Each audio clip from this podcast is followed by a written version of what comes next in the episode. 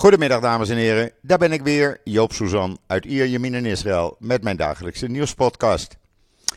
Ja, het zal u niet verbazen als de nieuwspodcast deze keer bijna helemaal in het teken staat van de politieke situatie. Wie mij een beetje volgt op israelnieuws.nl of op social media, die weet inmiddels dat de regering uh, zelf heeft besloten af te treden. Ik ga dat zo dadelijk uitleggen. Eerst even het weer, want daar ben ik zo mee klaar. 32 graden, blauwe lucht, af en toe een klein wolkje en een briesje uit het westen. Airconditioning werkt op volle, toeren, helaas. En dan uh, COVID. Ja, dat gaat nog steeds niet goed. De stijging van de nieuwe besmettingen blijft doorgaan. Er wordt ook dringend geadviseerd nu. Het is nog geen verplichting, maar wel heel dringend geadviseerd constant. Draag een mondkapje in binnenruimte, in winkels, in het openbaar vervoer. Doe dat gewoon en het hangt niet meer van de leeftijd af. Iedereen wordt gevraagd dat te doen. En mogelijk met een paar dagen zal het uh, weer een verplichting worden. Gisteren op maandag werden 38.803 mensen getest. 10.692 bleken besmet te zijn, meeste met BA4 en de BA5 Omicron varianten.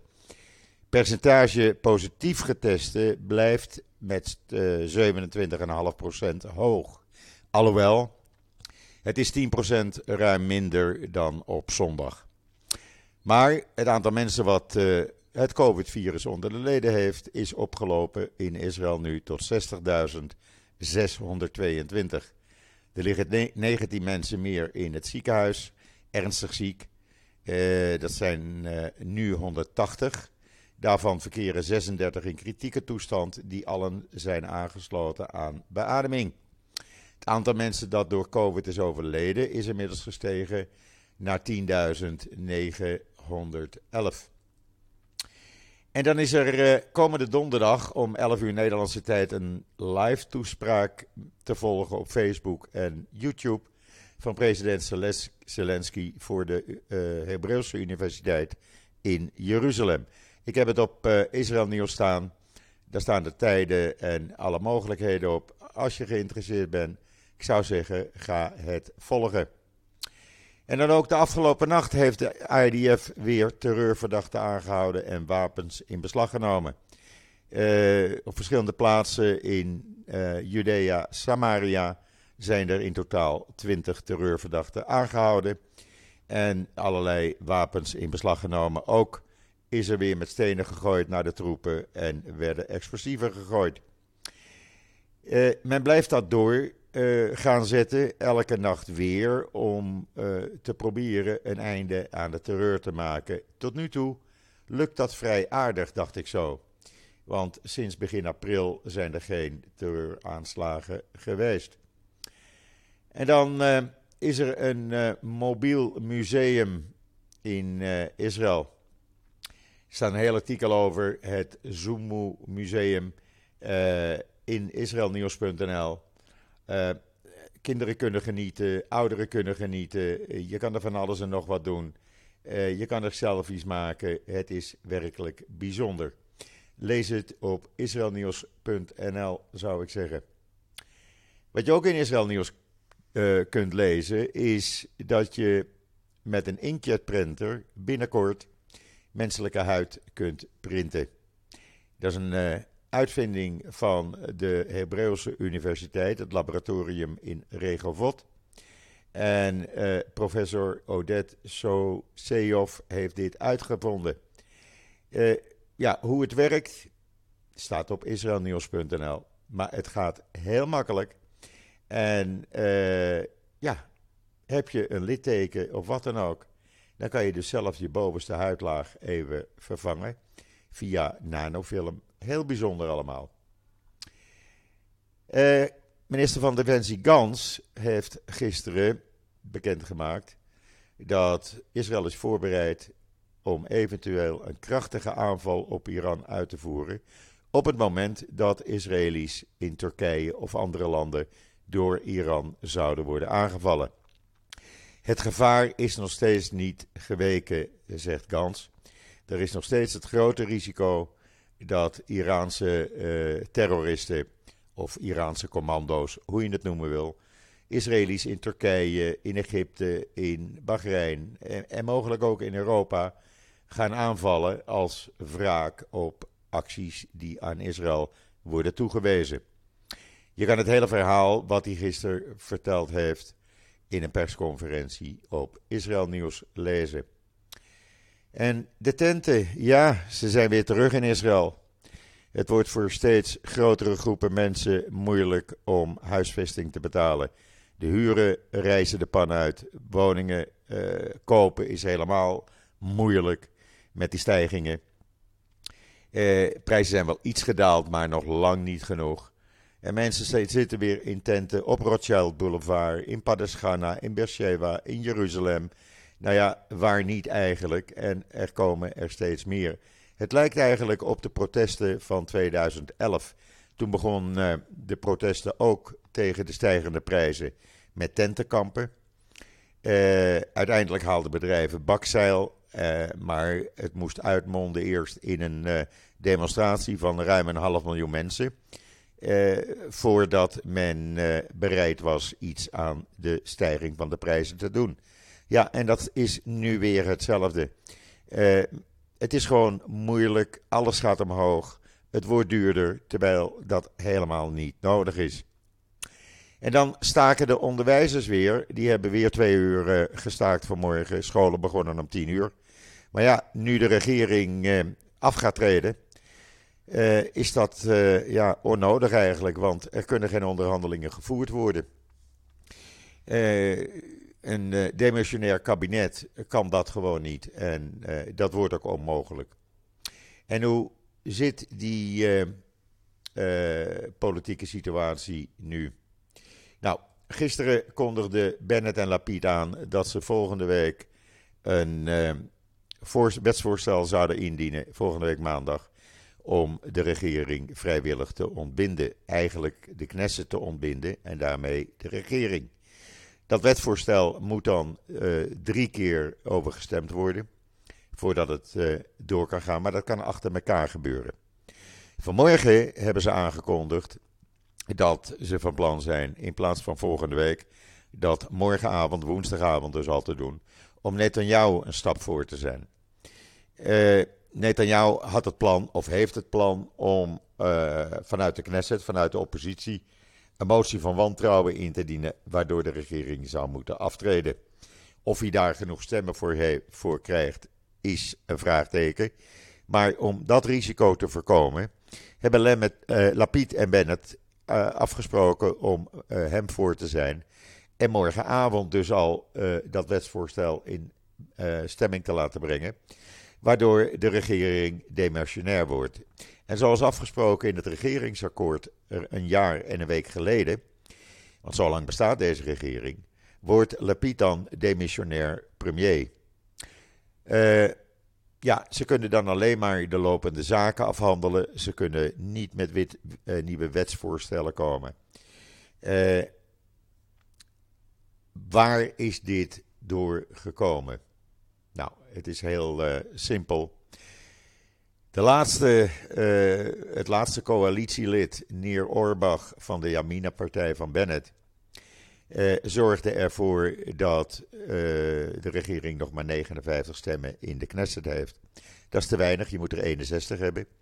En ja, eigenlijk waren hun handen dan gebonden.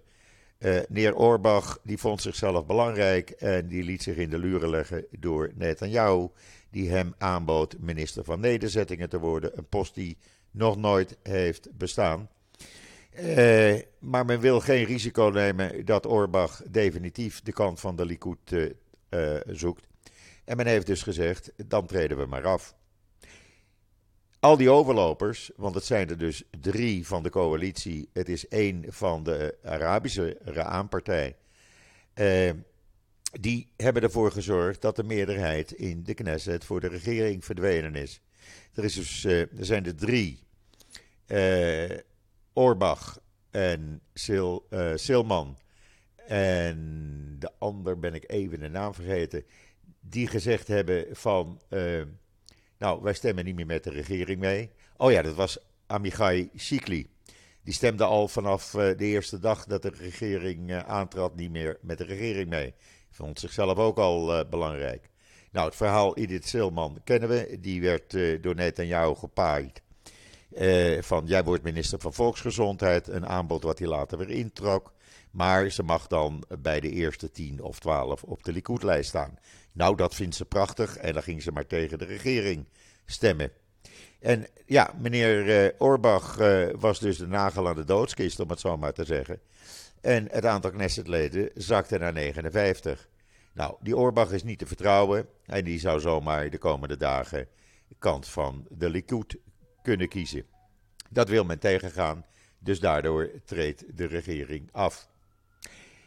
Eh, zowel Bennett en Lapid eh, gisteravond in een persconferentie hebben gezegd dat ze hun uiterste best hebben gedaan om deze regering te behouden. Ze hebben alles uit de kast gehaald om uh, geen middel onbeproefd te laten. Om het voortbestaan van de regering te garanderen. Maar het gaat gewoon niet. Het is jammer. Uh, wat ze hebben gedaan. Ze hebben de economie verbeterd. Er is geen enkele minister die onder politiek uh, onderzoek of politieonderzoek is.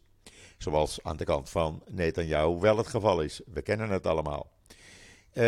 Een jaar lang is het nog nooit zo rustig geweest aan de grens met Gaza. Ja, we hadden een raketje afgelopen zaterdag.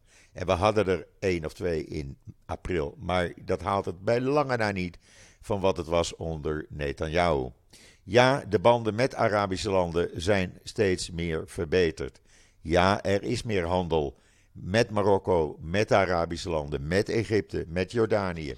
Gisteren is nog een van de naaste adviseurs van uh, Bennett was nog in Jordanië om met de koning te onderhandelen, zodat het allemaal op één lijn staat.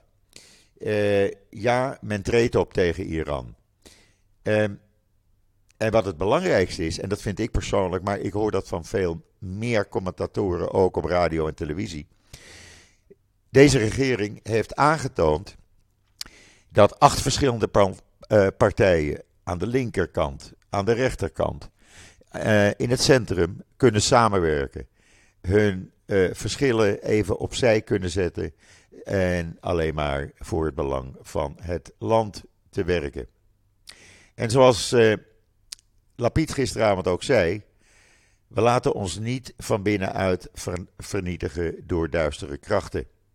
En hij betuigde dank aan Bennett voor de vriendschap en dat hij zijn, uh, het landsbelang boven zijn persoonlijke belang stelde. Uh, hoe is Bennett zover gekomen? Nou, Bennett had een uh, gesprek afgelopen vrijdag met de procureur-generaal.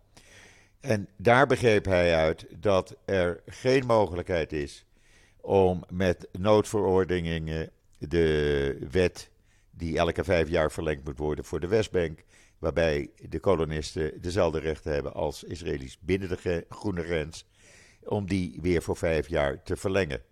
Dat lukt niet omdat de oppositie weigert voor deze wet te stemmen, omdat ze voor geen enkele wet van deze regering wilde stemmen.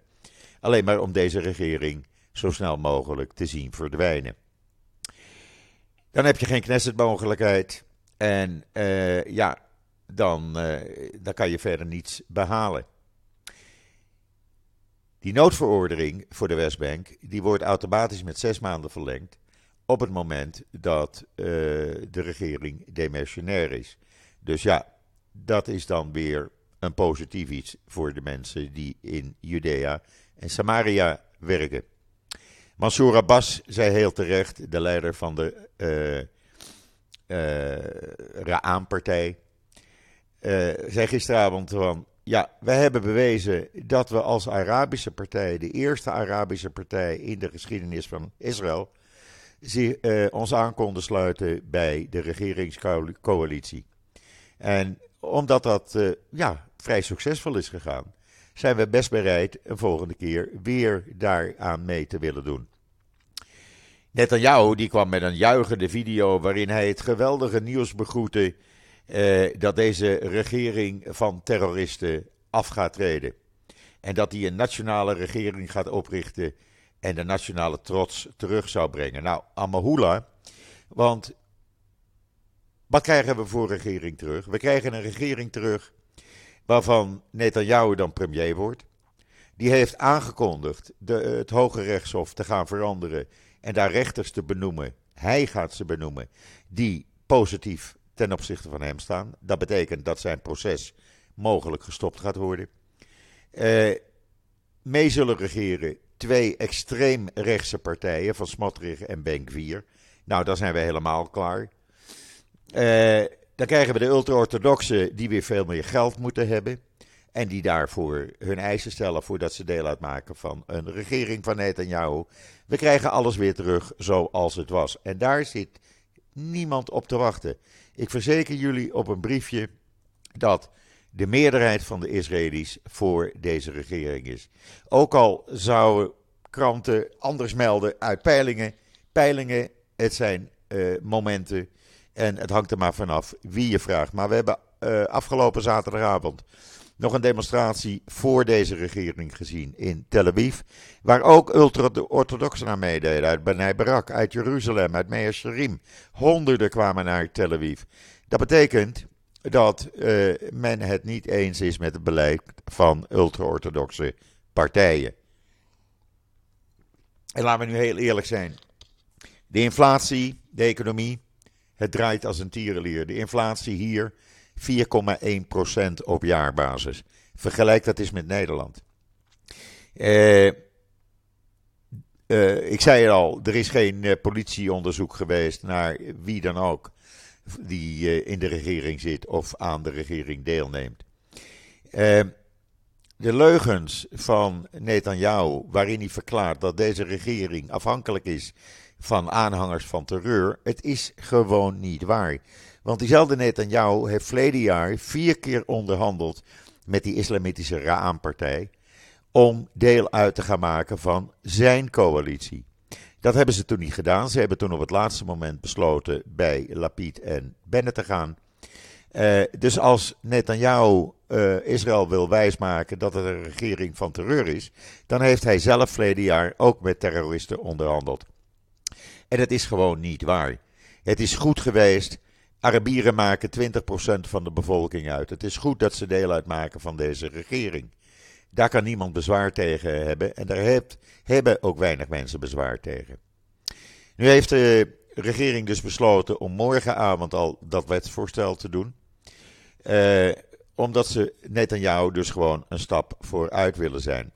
Want als Netanyahu namelijk uh, met wetsvoorstellen van uh, motie van wantrouwen komt, die worden aangenomen. En dat zou kunnen omdat de overlopers dan met de Likud gaan meestemmen. Ja, dan uh, heeft Netanyahu de kans om een regering in elkaar te zetten vanuit de Knesset. Nou, dat wil men voorkomen, dat probeert men te voorkomen. De juridische adviseurs van Bennett in zijn kantoor hebben inmiddels opdracht gekregen om uh, uit te zoeken wat de mogelijkheden van een dimensionaire regering zijn. Men wil dit zo ordelijk mogelijk laten verlopen. Uh, men wil voorkomen, en dat wil de meerderheid van de Knesset eigenlijk, dat Netanyahu weer uh, leider van een regering wordt. En waarom zeg ik dat? Omdat ook oppositiepartijen hebben laten blijken in de afgelopen tijd dat ze eigenlijk hun voorkeur hebben bij de huidige uh, coalitieregering dan bij de Likud van Netanyahu. Zij willen niet onder een bewind van Netanyahu in een regering zitten. Gewoon omdat ze dan weer uh, minder rechten hebben en dat Netanyahu bepaalt wat ze wel en niet kunnen gaan doen. En men ziet de mogelijkheden van een ruime coalitie. En als je dus een ruime coalitie hebt, eh, die nu in een jaar en een week tijd hebben, hebben be bewezen samen te kunnen werken, ja, dan moet dat uh, ook bij een volgende regering gaan lukken. Verkiezingen, die zouden dus op 25 oktober of 1 november mogelijk worden gehouden. Gaat er dan iemand winnen? Nou, er is vanmorgen weer een peiling geweest. En daaruit blijkt dat geen enkele uh, politieke partij, geen enkele groepering, of dat nou uh, de rechtse partijen met de ultra-orthodoxe samen zijn, of uh, Lapid, Bennett en de Arabische partijen, halen een, een meerderheid in de Knesset. Dus Netanyahu zit niet te wachten op verkiezingen. Hij weet dat hij die gaat verliezen. En ja, die kans is ook groot. Wat schrijven nu de meeste Hebreeuwse en Engelstalige kranten en media in Israël? Nou, uh, eigenlijk wat ze schreven is dat de regering van veranderingen, zoals ze het noemden, eigenlijk ja, heel goed is geweest. Het is een terugkeer naar een politiek met openbare discussies. Er is geen ophitsing geweest, schrijven de kranten.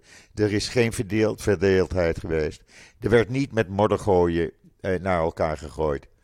Er zijn geen intimidatie en leugens verspreid. Er is niet gemanipuleerd. Dat is de teneur in de meeste kranten.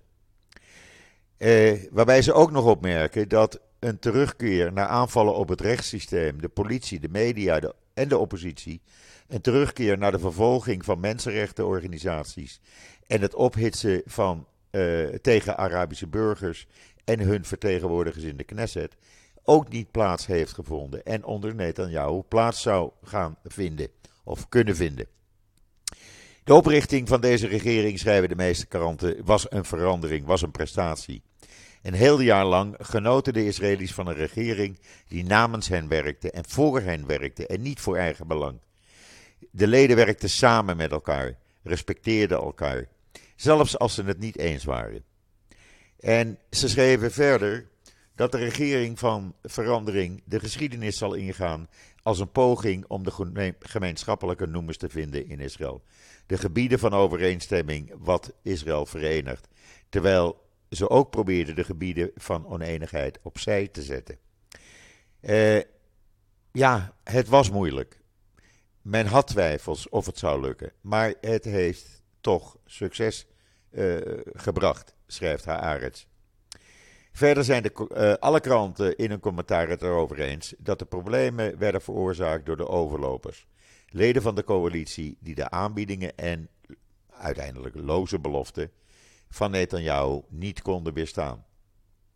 Ik zei het al, begon met Edith Silman, die eigenlijk onder druk van haar man, die weer bevriend is met Netanyahu, eh, ja, geprest werd om de kant van de oppositie te kiezen. En toen hadden we eh, als laatste dus eh, Nier Orbach, we hebben die meneer Shikli gehad, we hebben de dame, Arabische dame van Meretz gehad en we hebben een partijlid van eh, de Ra'an-partij gehad. En wat gaat Bennett nu doen? Wat zijn zijn mogelijkheden?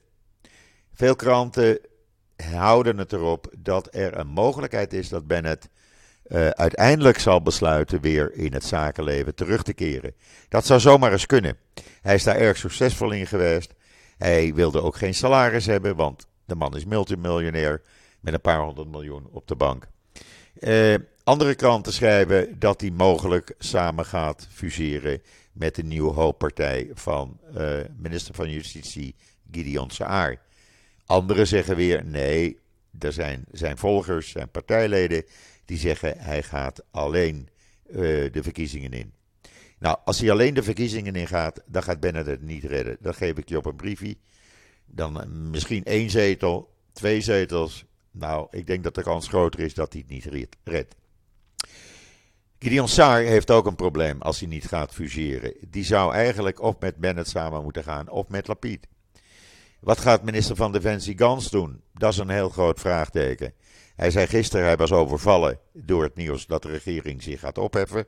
Hij werd pas op het laatste moment ingelicht voor de bekendmaking. Het zou kunnen zijn dat hij weer de kant van Netanyahu kiest. Alhoewel ik dat niet zeker acht. Ik denk dat hij gaat proberen samen met Lapid toch weer te werken aan een coalitie die een meerderheid heeft, al is het maar 1, 2 zetels in de Knesset. Het mooiste zou zijn als je een coalitie kan creëren die minstens 70 Knesset-zetels heeft, waardoor je sterker staat. Ja, en dan hebben die extreemrechtse partijen van Smotrich en Ben-Gvir.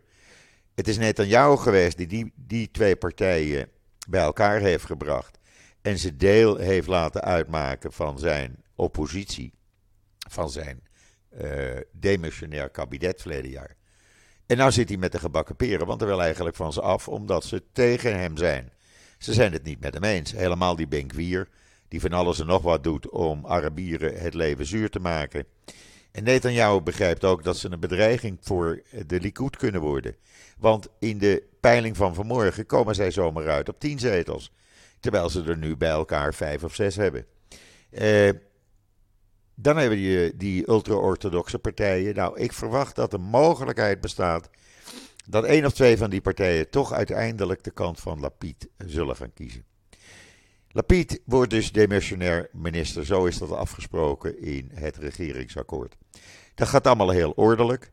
En Lapid zal dan ook degene zijn die eh, president Biden 13 juli gaat ontvangen. Dat wordt dan niet Bennett, dat wordt Lapid. Wat gaat Bennett in die tussentijd doen? Het is nog niet bekend. Mogelijk gaat hij even uh, aan de zijlijn. Mogelijk krijgt hij een soort adviserende functie. Hij zal geen minister van Buitenlandse Zaken worden. Dat denk ik niet. Uh, maar we gaan het meemaken. Dat zal de komende dagen allemaal blijken. Maar door het feit dat Lapid demissionair uh, minister-president wordt. tot en met eind oktober, begin november, dat is best lang kan hij aan populariteit, aan zetels gaan winnen. Want hij is dan de man die laat zien hoe hij het land wil leiden. En dat zou best eens succesvol kunnen worden. En Netanyahu, die knijpt hem daarvoor. En dat is waarom Netanyahu probeerde met die motie van wantrouwen te komen. Nou, uh, dat gaat waarschijnlijk dus niet gebeuren. Als de Knesset morgenavond uh, de regering in drie stemmingen uh, naar huis stuurt, dan heeft Netanyahu het nakijken. En Netanyahu, nogmaals, hij weet dat hij problemen heeft om een meerderheid te krijgen. De vijfde verkiezingen in drieënhalf jaar. Het is er nooit zo vaak voorgekomen in Israël. En er kan nog van alles gebeuren. Het kan later vandaag nog veranderen. Het kan vanavond veranderen. Het kan morgen veranderen. Ik hou het allemaal bij voor jullie. Uh, want ja, er wordt van alles en nog wat gezegd, er wordt van alles en nog wat geschreven. Laten we de zaken gewoon heel simpel houden. Gewoon zoals ze zijn. Uh, de oppositie, natuurlijk, laat ze maar even juichen.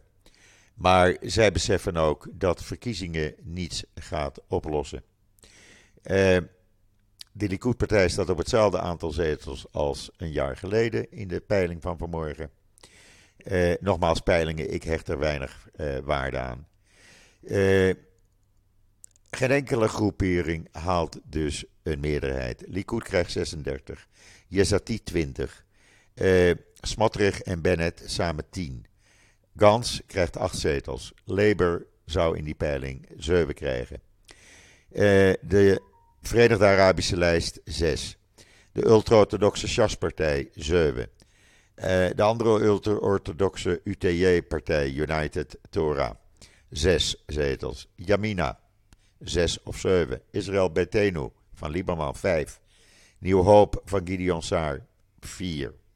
En Ra'am, de islamitische Ra'am-partij, ook vier. Nogmaals, het is een momentopname. Het duurt nog lang totdat het uh, zover is dat er verkiezingen komen. Dat heeft ook te maken met het feit dat ja, de Knesset wordt ontbonden. Het reces zou toch in juli en augustus plaatsvinden. De Knesset zou dan september weer bij elkaar komen, een paar weken. En dan weer uh, met vakantie gaan, want dan krijg je in oktober, eind september, vier weken lang Joodse feestdagen. Nou, tijdens die Joodse feestdagen is het moeilijk om uh, verkiezingen te houden, dat kan niet. En is het ook moeilijk om uh, ja, aan verkiezingen te werken, allerlei verkiezingsbijeenkomsten te houden. Want die Joodse feestdagen, die zitten er tussendoor. Vandaar dus 25 oktober of 1 november. Ik laat het jullie weten, ik hou jullie gewoon op de hoogte. Het is een, uh, ja, een beetje eenzijdige uh, podcast geworden. Maar ja, ik vind het toch nodig om in mijn woorden zo simpel mogelijk uit te leggen hoe de situatie op dit moment is. Vanavond leg ik het nog een keertje in het kort uit in het programma Uitgelicht om half negen op Family TV. Ik wens iedereen een hele fijne voortzetting van deze dinsdag, de 21 juni, de langste dag van het jaar. Geniet ervan. Ik ben er morgen weer en zeg zoals altijd: tot ziens, tot morgen.